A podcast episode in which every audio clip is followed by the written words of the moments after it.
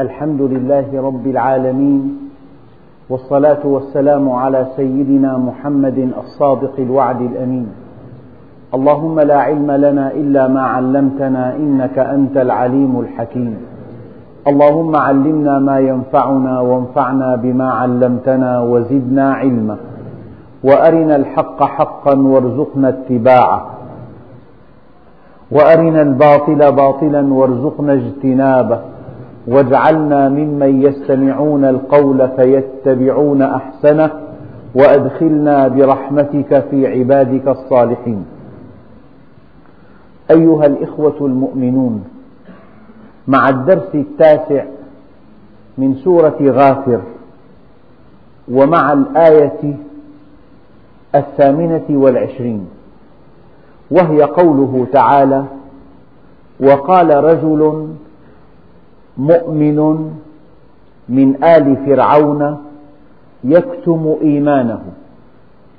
أتقتلون رجلا أن يقول ربي الله وقد جاءكم بالبينات من ربكم وإن يك كاذبا فعليه كذبه وإن يك صادقا يصبكم بعض الذي يعدكم إن الله لا يهدي من هو مسرف كذاب.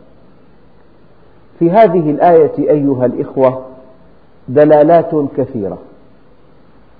أول شيء فيها هو أن الله جل جلاله قال وقال رجل فكلمة رجل جاءت نكرة. من هو الرجل؟ ما اسم هذا الرجل؟ ما نسب هذا الرجل؟ ما علاقة هذا الرجل بفرعون؟ إلى من ينتمي؟ ما شأنه؟ ما صفته؟ كل هذا أغفله الله عز وجل لحكمة بالغة. لذلك من العبث أن يتجه الإنسان ليتعرف إلى اسم هذا الرجل. شيء أغفله الله. لماذا تبحث عنه أنت؟ الشيء الذي أريد أن يكون واضحا لديكم هو أن الله سبحانه وتعالى إذا ذكر قصة في القرآن لا يريد أن تكون قصة لو أرادها قصة لذكر أسماء الشخصيات وذكر التفاصيل وذكر الجزئيات وذكر ملامح البيئة لو أرادها أن تكون قصة لكن الله سبحانه وتعالى إذا ذكر قصة في القرآن الكريم يريد أن تكون قانونا. يريد أن تكون شخصية نموذجية تتكرر. لو أننا توهمنا أنها قصة إذا وقعت ولن تتكرر. الله جل جلاله يريد أن نؤمن أن هذا نموذج بشري. رجل غيور. رجل ينطلق من سلبية إلى إيجابية. رجل يأمر بالمعروف وينهى عن المنكر. رجل يتكلم بحكمة بالغة. لا يلقي الكلام على عواهنه. ينبغي أن تكونوا كذلك. فربنا جل جلاله يرسم لنا من خلال هذه القصة نموذج المؤمن الصادق نموذج المؤمن الغيور نموذج المؤمن الناطق بالحق نموذج المؤمن الذي يأمر بالمعروف وينهى عن المنكر نموذج المؤمن الذي يخرج من قوقعته ومن سلبيته. هذا النموذج ما رسمه الله عز وجل في هذه السورة وفي هذه القصة إلا ليكون نموذجا يحتذى. القرآن كتاب هداية وليس كتاب تاريخ. كتاب هدى كتاب تربية. إذا من كلمة رجل أن الله سبحانه وتعالى حينما أغفل اسم هذا الرجل ونسب هذا الرجل وشأن هذا الرجل وعلاقة هذا الرجل بفرعون حينما أغفل اسمه وأغفل الجزئيات والتفاصيل وجعل اسمه نكرة أرادنا أن نتجه في فهمنا لهذه القصة إلى أن مؤمن فرعون نموذج للمؤمنين. ينبغي أن يتكرر. ينبغي أن يكون في كل مجتمع مؤمن آل فرعون أو ما يشبه مؤمن آل فرعون. هذا ينقلنا إلى موضوع دقيق هو أن الأمر بالمعروف والنهي عن المنكر يسميه بعض العلماء الفريضة, الفريضة السادسة. إذا كانت شهادة لا إله إلا الله وشهادة أن محمدا عليه الصلاة والسلام رسول الله وأن الصلاة والزكاة والحج والصيام هي فرائض الإسلام فالأمر بالمعروف والنهي عن المنكر فريضة سادسة والدليل. قال تعالى ولتكن منكم أمة يدعون إلى الخير. لام لام الأمر. ولام الأمر إذا جاءت مع الفعل المضارع انقلب الفعل المضارع إلى فعل أمر إذا قلت لتأكل أو كل بمعنى واحد. فعل الأمر معروف أمر. أما إذا جاءت لام الأمر مع الفعل المضارع انقلب إلى فعل أمر فربنا جل جلاله يقول ولتكن منكم أمة يدعون إلى الخير. ويأمرون بالمعروف وينهون عن المنكر وأولئك هم المفلحون. ولماذا أهلك الله بعض الأقوام؟ إهلاك استئصال قال كانوا لا يتناهون عن منكر فعلوه. كانوا لا يتناهون عن منكر فعلوه لأننا إذا تركنا الأمر بالمعروف والنهي عن المنكر قوي الباطل وانكمش الحق. إلى أن يتلاشى الحق.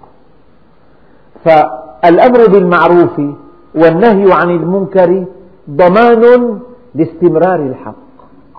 لذلك في القرآن الكريم والعصر إن الإنسان لفي خسر إلا الذين آمنوا وعملوا الصالحات وتواصوا بالحق وتواصوا بالصبر.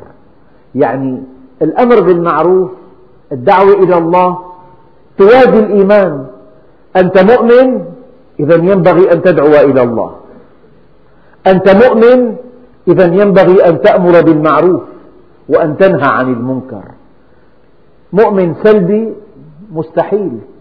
لمجرد أن تؤمن لا تستطيع إلا أن تنشر الخير. إذا انطلقت إلى فعل الخير وإلى الأمر بالمعروف والنهي عن المنكر فهذه علامة وجود الإيمان فيك. أما إذا قلت أنا مؤمن ولكن الصفل آه، يعني يروى أن الله سبحانه وتعالى أرسل الملائكة لإهلاك قرية. فقال الملائكة يا رب إن فيها رجلا صالحا. قال به فابدأوا. عجيب. لماذا؟ قال لأنه كان إذا رأى المنكر لا يتمعر وجهه. ابنة أخيك تزورك وترتدي ثيابا فاضحة وتسكت هذا شأنها. أنا لا أحب أن أتدخل بشؤونها الخاصة. كانوا لا يتناهون عن منكر فعلوه. لذلك عدم التناهي عن الأمر بالمعروف عن المنكر أحد أسباب هلاك الاستئصال. يؤكد هذا المعنى أن الله سبحانه وتعالى يقول وما كان ربك ليهلك القرى بظلم وأهلها لم يقل صالحون قال مصلحون وشتان بين الصالحين وبين المصلحين. الصالح لذاته إنسان صالح. أما المصلح ينطلق لإصلاح غيره. يأمر بالمعروف وينهى عن المنكر. إذا الحق لا يستمر إلا بالأمر بالمعروف والنهي عن المنكر. الحق لا يستمر إلا بالتواصي بالحق. فالإنسان بمجرد أن ينسحب من المجتمع وأن يكون صالحا لذاته أن يصلي ويصوم وألا يتكلم بكلمة لإصلاح ذات البين أو لإصلاح المسلمين أو لإصلاح المؤمنين لا يتأثر للمنكرات ما الذي يحصل؟ يتسع شأن يتسع تتسع دائرة المنكر وتنكمش دائرة الحق أما بالأمر بالمعروف والنهي عن المنكر ما الذي يحصل؟ تتسع دائرة الحق وتنكمش دائرة الباطل إذا حينما قال الله عز وجل وقال رجل مؤمن من آل فرعون. إذا تنكير كلمة رجل تعني أن الله سبحانه وتعالى أراد من هذه القصة أن تكون نموذجا بشريا موجودا في كل مجتمع مسلم. لأن قصص القرآن لا ينبغي أن تكون تاريخا ولكن ينبغي أن تكون نماذج نهتدي بها ونتأسى بها. هذه نقطة أولى. أما كلمة مؤمن رجل مؤمن هذا لقب. يقول لك فلان يمنح لقب الدكتوراه. كلمة دكتور تعني عند الناس جميعا أنه إنسان يحمل شهادة عليا.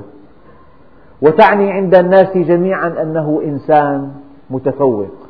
وتعني عند الناس جميعا أنه أمضى سنوات طويلة في طلب العلم. إذا كان لقب دكتور لا يقبل إلا بجهد جهيد ووقت مديد وعقل رشيد.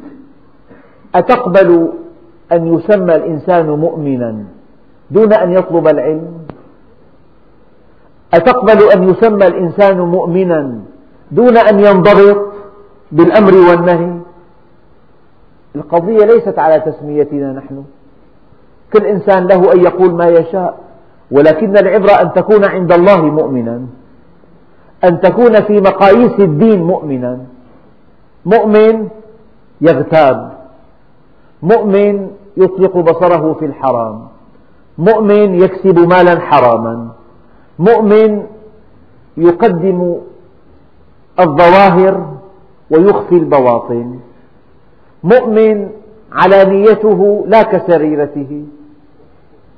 جلوته لا كخلوته. هذا ليس مؤمنا.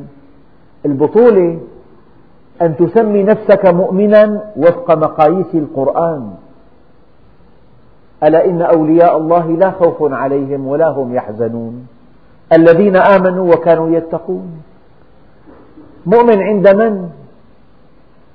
ينبغي أن تكون مؤمنا عند الله بمقياس القرآن.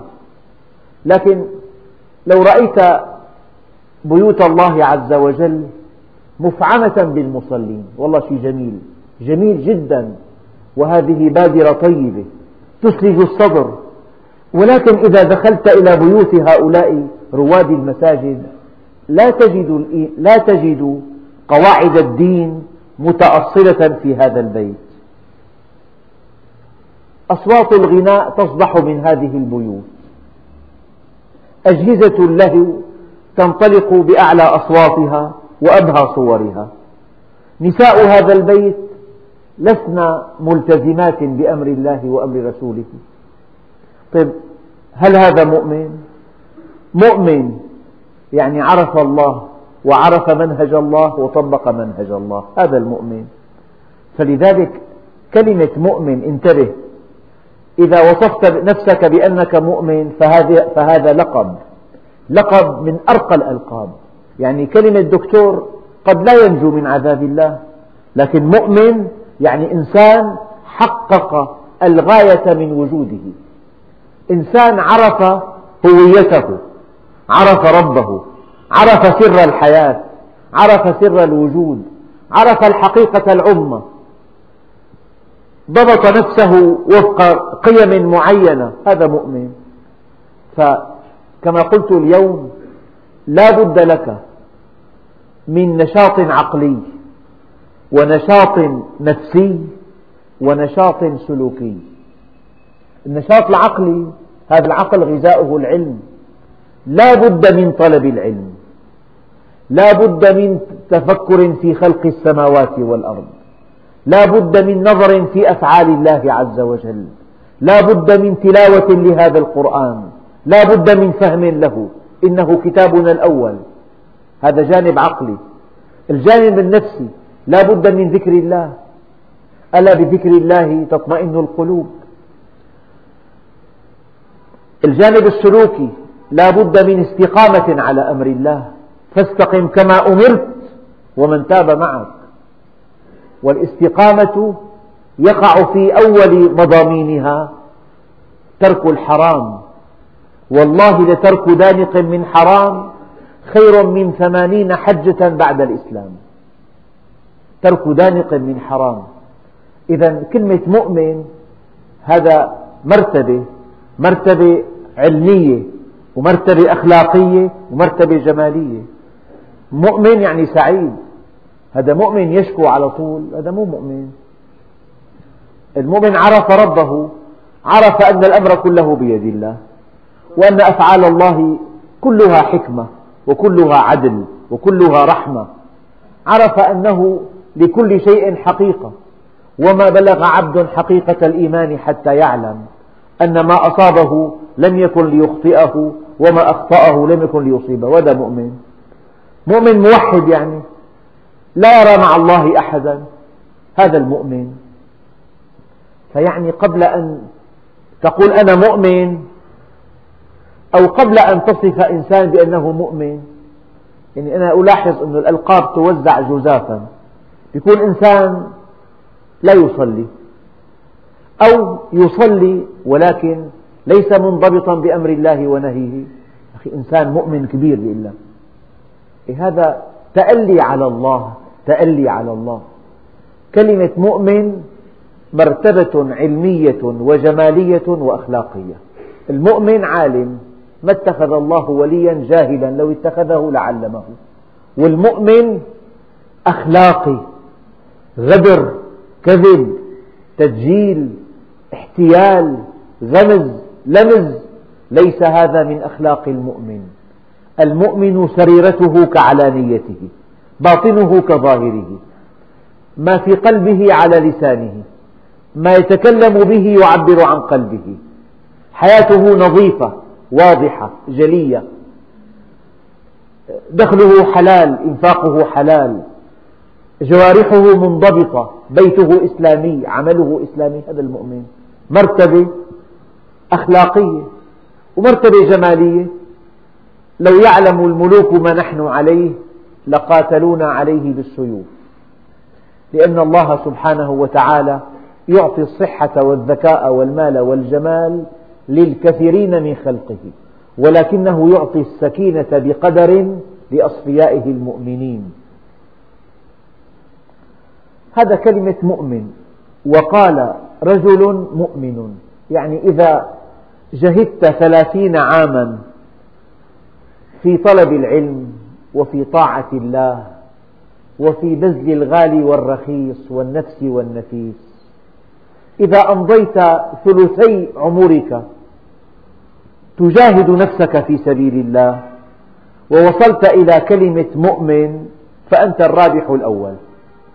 وأنت الإنسان الفائز الناجح المفلح الذي حقق وجوده.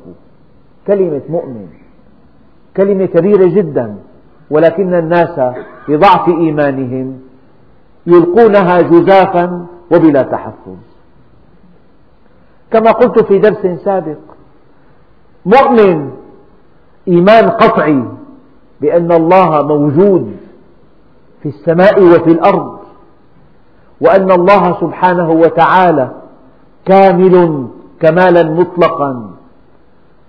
وأن الله سبحانه وتعالى واحد في ذاته وفي أفعاله وفي صفاته. وأن الله يعلم سرك وجهرك وأنه سيحاسبك وتعصي الله عز وجل. أنت مؤمن؟ مستحيل. إنسان مؤمن بوجود الله ووحدانيته وكماله وعلمه وحسابه. ثم ينطلق إلى معصية الله. تعصي الإله وأنت تظهر حبه ذاك لعمري في المقال بديع. لو كان حبك صادقا لأطعته. إن المحب لمن يحب يطيع. إذا امرأة قالت لأبي السائب وهو من أصحاب رسول الله وقد توفاه الله عز وجل وكان النبي عليه الصلاة والسلام أمامه. قالت له هنيئا لك أبا السائب لقد أكرمك الله. هذا تألي على الله. لو أن النبي سكت لكان كلامها صحيحا. فقال عليه الصلاة والسلام ومن أدراك أن الله أكرمه؟ قولي أرجو الله أن يكرمه. نرجو الله أن نموت مؤمنين. وأن يتوفانا الله على هذا الدين الحنيف.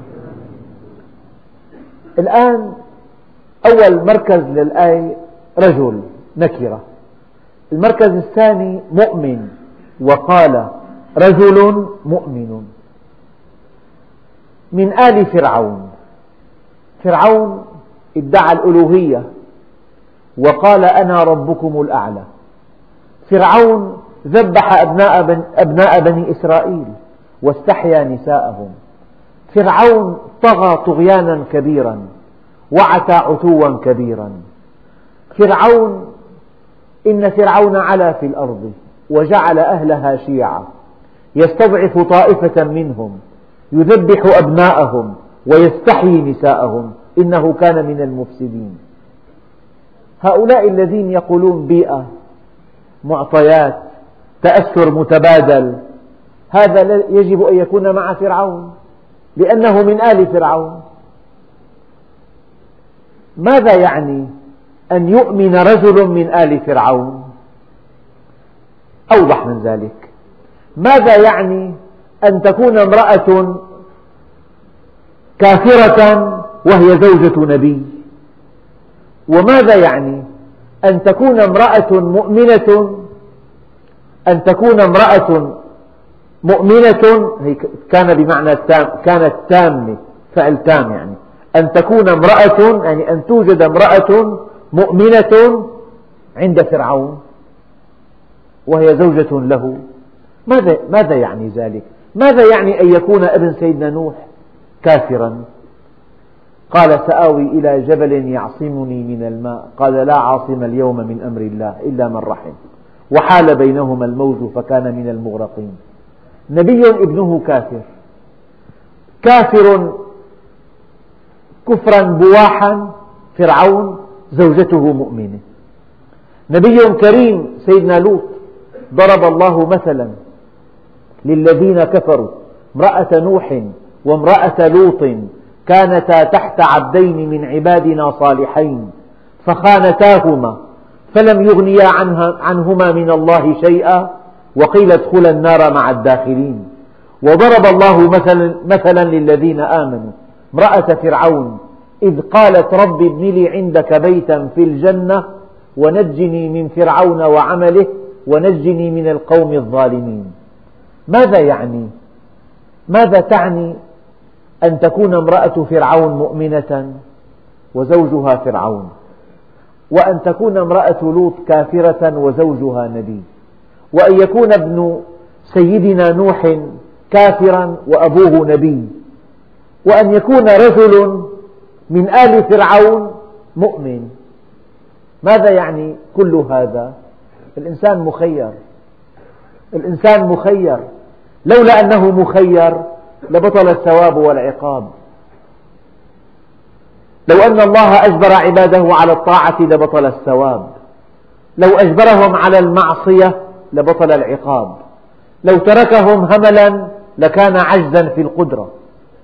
الإنسان مخير وأنا ناشئ ببيئة سيئة. هيك أبي علمني هيك علمتني والدتي. مجتمعي سيء فاسد. هذا كلام غير مسموع إطلاقا. الإنسان ليس منفعلا.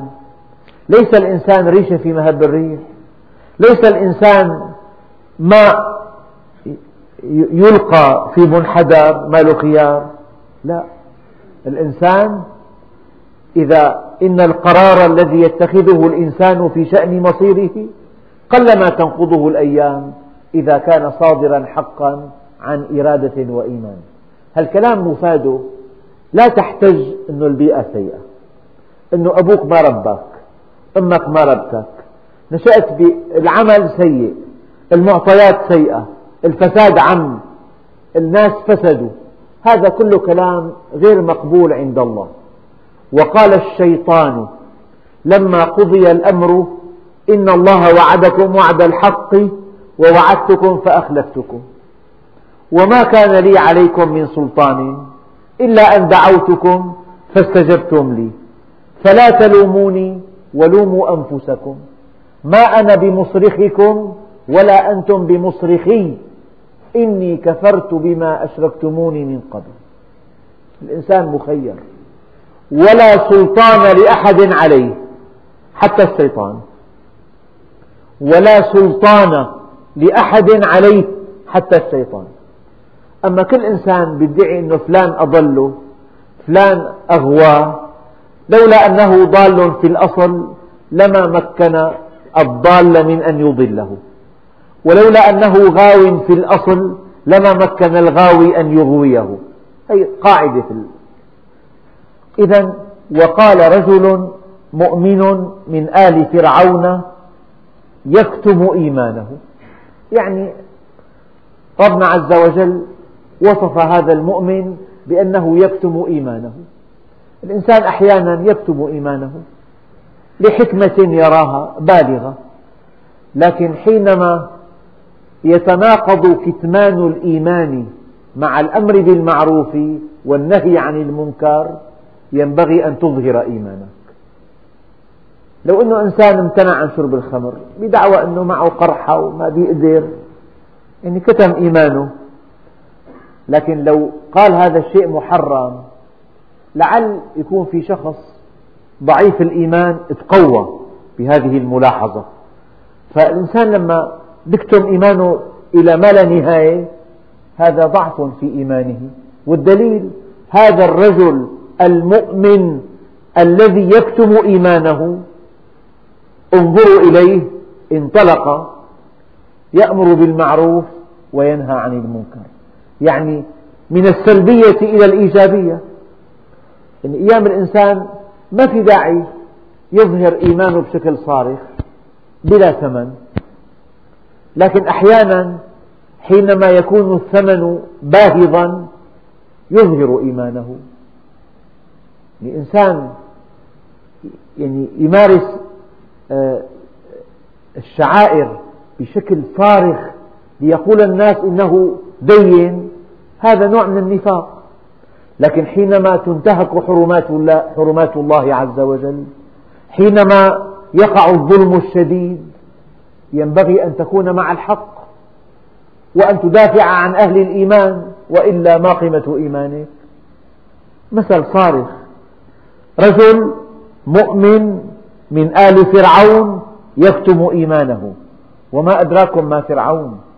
يعني فرعون هذا الذي أمر بذبح أبناء بني إسرائيل. قتل الإنسان عليه سهل جدا. هذا الرجل المؤمن وقف في وجه فرعون.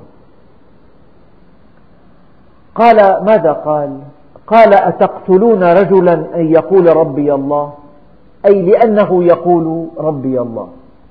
الإنسان يقتل ما من شريعة إلا وأقرت القتل. القاتل يقتل.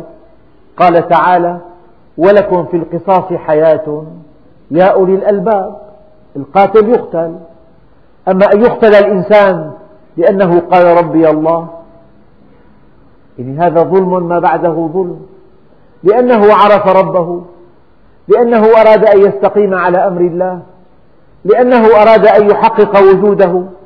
لأنه أراد أن ينجو من عذاب النار. فلذلك من علامات قيام الساعة كما ورد في بعض الأحاديث موت كعقاص الغنم. لا يدري القاتل لما يقتل ولا المقتول فيما قتل. يعني أتقتلون رجلا أن يقول ربي الله؟ طيب لعل هذه دعوة وقد جاءكم بالبينات من ربكم. قال ربي الله ومعه الأدلة. العجيب أنه أحيانا بشكل ملطف أو مثل مثل جزئي. يعني الشاب في بيت أهله يتمنى أن يقيم أمر الله عز وجل. الأب يثور عليه والأم تثور عليه وإخوته يثورون عليه وأصهاره كذلك. طيب لماذا؟ يقول هذا محرم بنص القرآن الكريم. مع الدليل. لا يقبل دليله. لا بد من أن يعيش على نمط هذه الأسرة. اختلاط وتفلت حتى يرضى عنه أهله. لذلك شيء مؤلم جدا إذا الإنسان طلب يقيم شرع الله عز وجل. إذا طلب أن يستقيم على أمر الله تفسر تصرفاته تفسيرات بعيدة عن عن مصدرها. تريد أن تفرق الأسرة تريد أن تجافي أصهارك تريد أن تفعل كذا. هذه هذه حال الأسر المسلمة. يعني هم لا يريدون أن يطبق الدين. الانتماء شكلي إسلام بالهوية. إذا هذا المؤمن من آل فرعون الذي يكتم إيمانه جهر وقال أتقتلون رجلا أن يقول ربي الله. وهذا هو نفسه الذي قال لسيدنا موسى إن الملأ يأتمرون بك ليقتلوك فاخرج إني لك من الناصحين. وقد جاءكم بالبينات من ربكم. المؤمن معه حجة معه بينة معه دليل عقلي معه دليل نقلي معه دليل فطري معه دليل واقعي. المؤمن يمشي على هدى. قل هذه سبيلي. أدعو إلى الله على بصيرة أنا ومن اتبعني. علامة اتباعك للنبي عليه الصلاة والسلام أنك تسير على بينة تسير على هدى من الله عز وجل.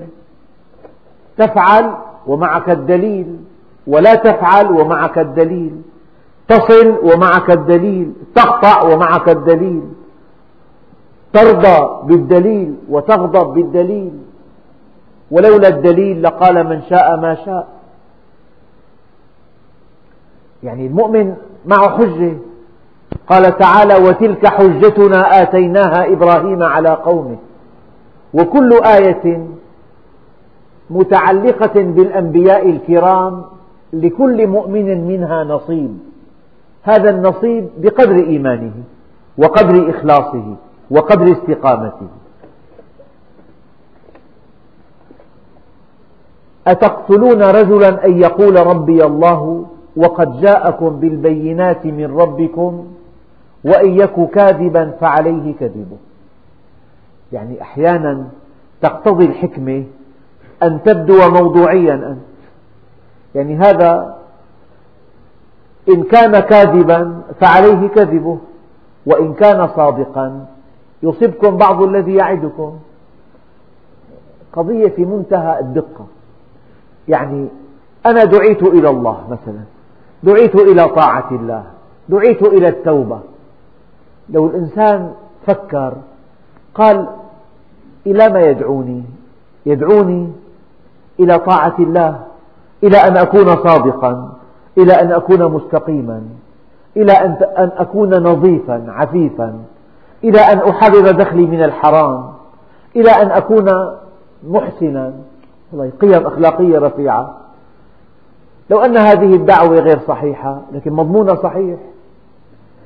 طيب لو أن دعوته صادقة وقد جاء من عند الله ولم أعبأ بها فالخسارة كبيرة جدا. يعني إذا إنسان دعاك إلى مجلس علم مثلا إذا كان ذهبت ولقيت كلام غير صحيح ما بتخسر شيء.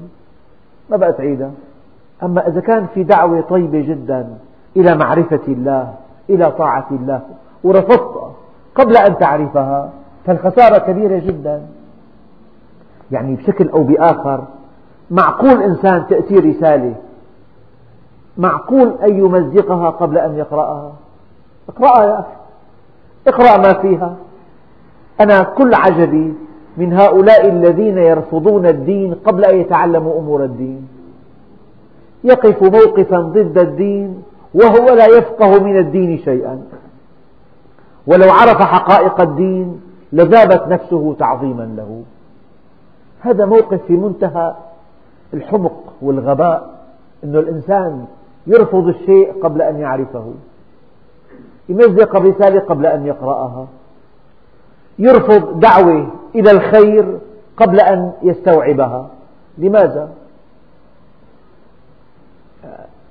أحد آه، شيوخ القبائل في عهد النبي زار مكة المكرمة فدعي أو حذر من النبي عليه الصلاة والسلام وقالوا هذا إنسان ساحر يفرق بين الأخ وأخيه والزوجة وزوجها وقد فعل بنا ما فعل فإياك أن تستمع إليه وإياك أن تزوره وإياك أن تلتقي به. وكان هذا ثمامة فيما أذكر. الطفيل الدوسي. وكان شاعرا أريبا ذكيا فطنا. أول أمر وضع في أذنيه القطن لئلا يسمع كلامه. التقى به فقال يا فلان خاطب نفسه إنك رجل لبيب أريب فطن شاعر.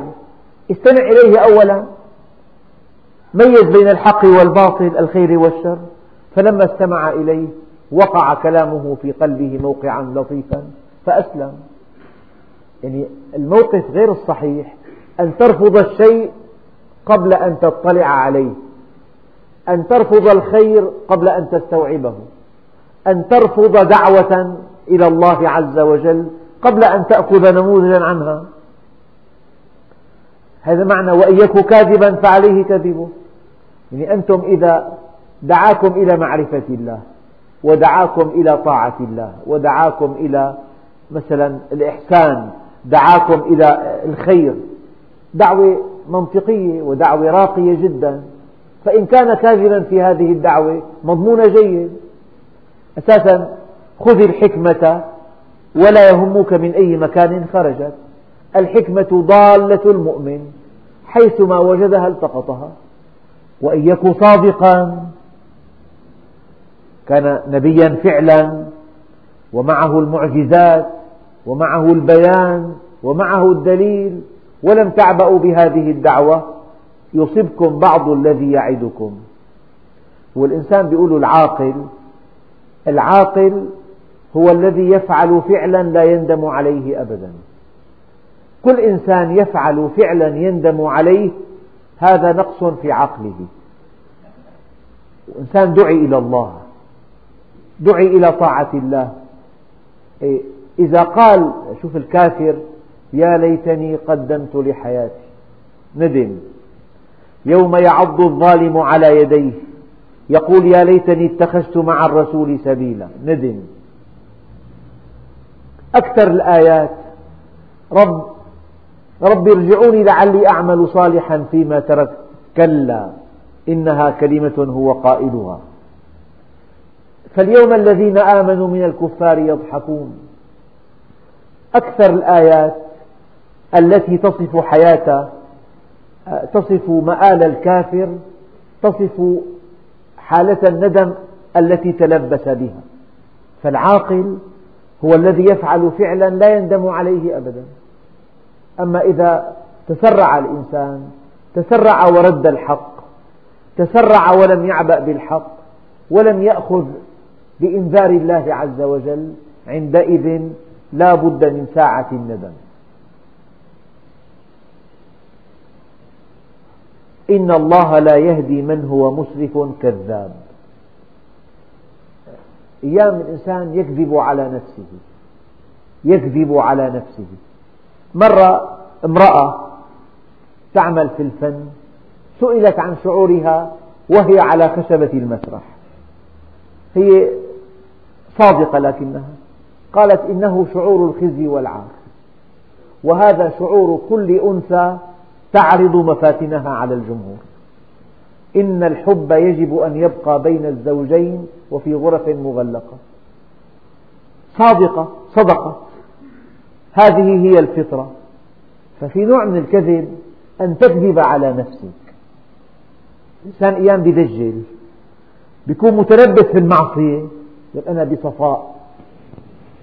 بيكون دخله حرام يعطي لعمله السيء تبرير. هو قبل كل شيء يكذب على نفسه. إذا الإنسان بيعاهد نفسه يكون صادق مع نفسه. ألا يبطن شيئا ويظهر شيئا. أصدق مع نفسك. كن صريحا. هذا الذي تأمر به هل تفعله؟ إذا فأنت كاذب. هذا الذي تتمناه من الناس أن يعاملوك به. هل تعاملهم أنت به؟ هذا كذب إذا فكلمة الصدق واسعة جدا. من أبرز معانيها أن تكون مع نفسك صادقا. فهذا الذي يعتقد أنه لا, أنه لا إله. كاذب. لماذا؟ لأنه يوم القيامة يقول والله ربنا ما كنا بك مشركين. قال انظر كيف كذبوا على أنفسهم. كل الدعوات الباطلة كاذبة ومن يعتنقها يكذب على نفسه. لكن أحيانا يعتنقها لماذا؟ ليحقق شهواته. أساسا العقل له دوران. إما أن يكون دوره قياديا يقود النفس إلى الحق وإما أن يكون دوره تبريريا. كلما كلما انحطت النفس في أتون الشهوة جاء العقل ليفلسف لهذه النفس انحطاطها. لذلك الفكر الغربي فكر تبريري. يعني الأصل أن هذا الإنسان يجب أن يفعل كل الشهوات القذرة التي نهى الله عنها. دور العقل تبرير هذا السلوك.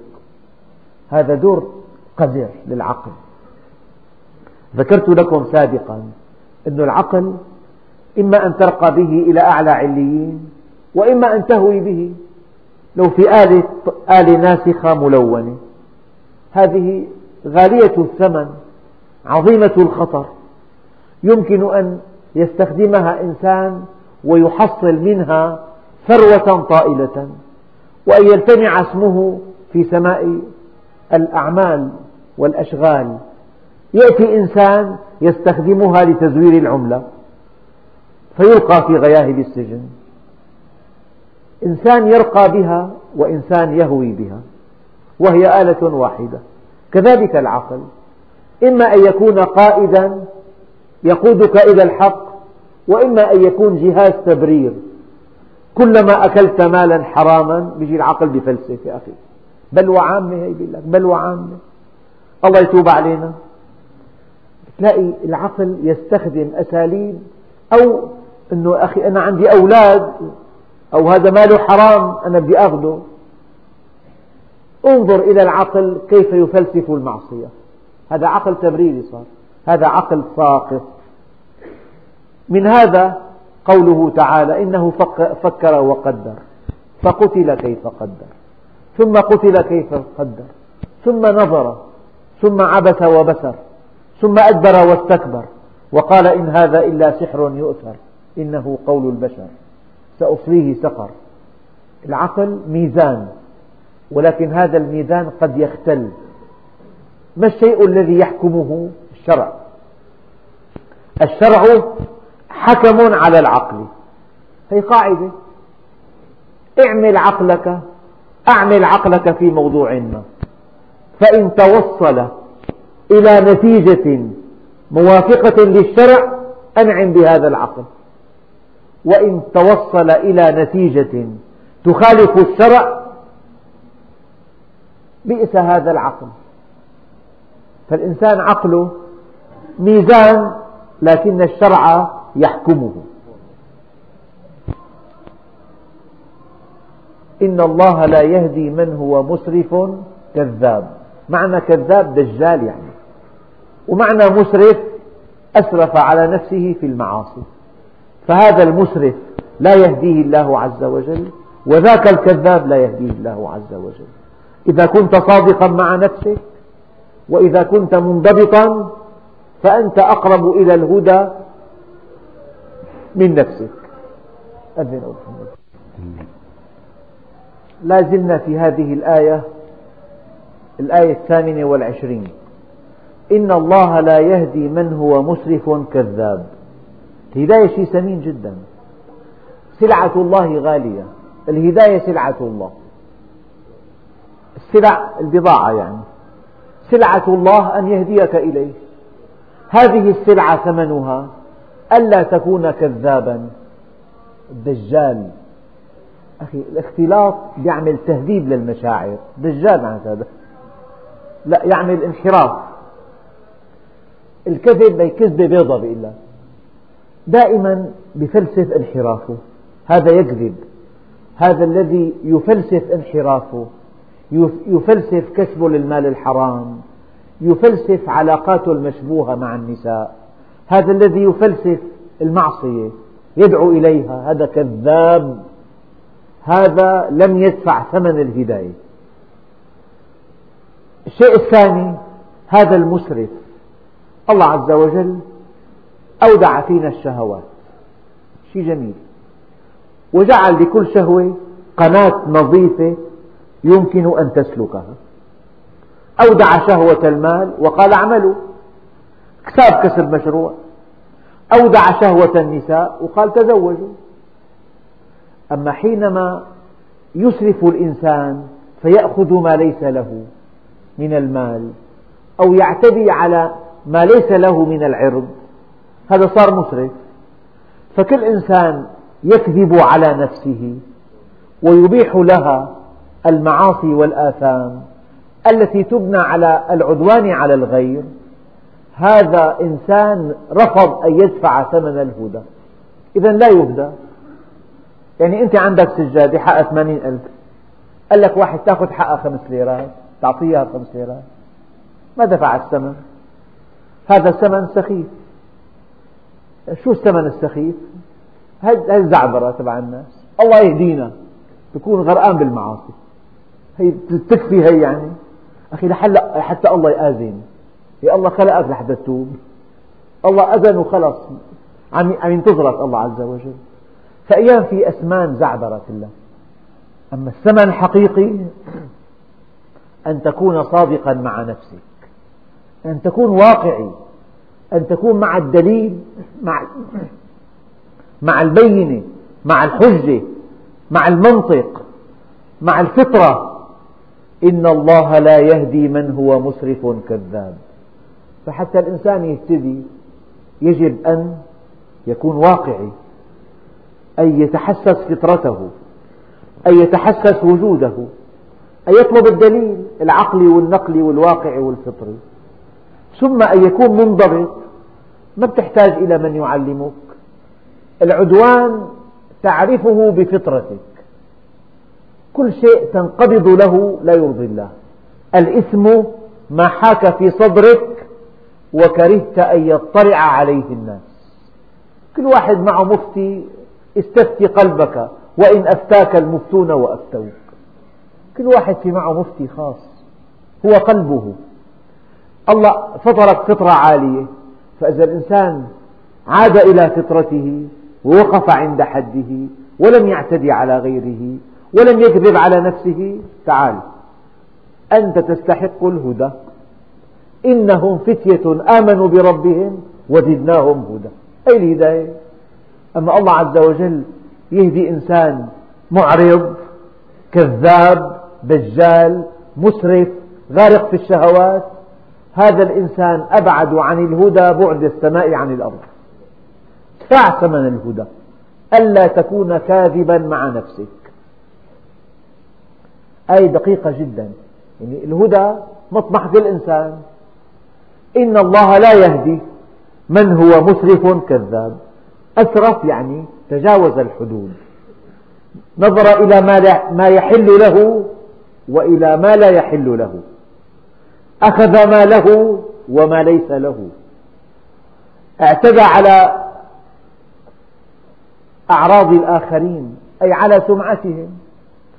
جرح طعن اغتاب نابذ بالألقاب فكل إنسان مسرف تجاوز الحد.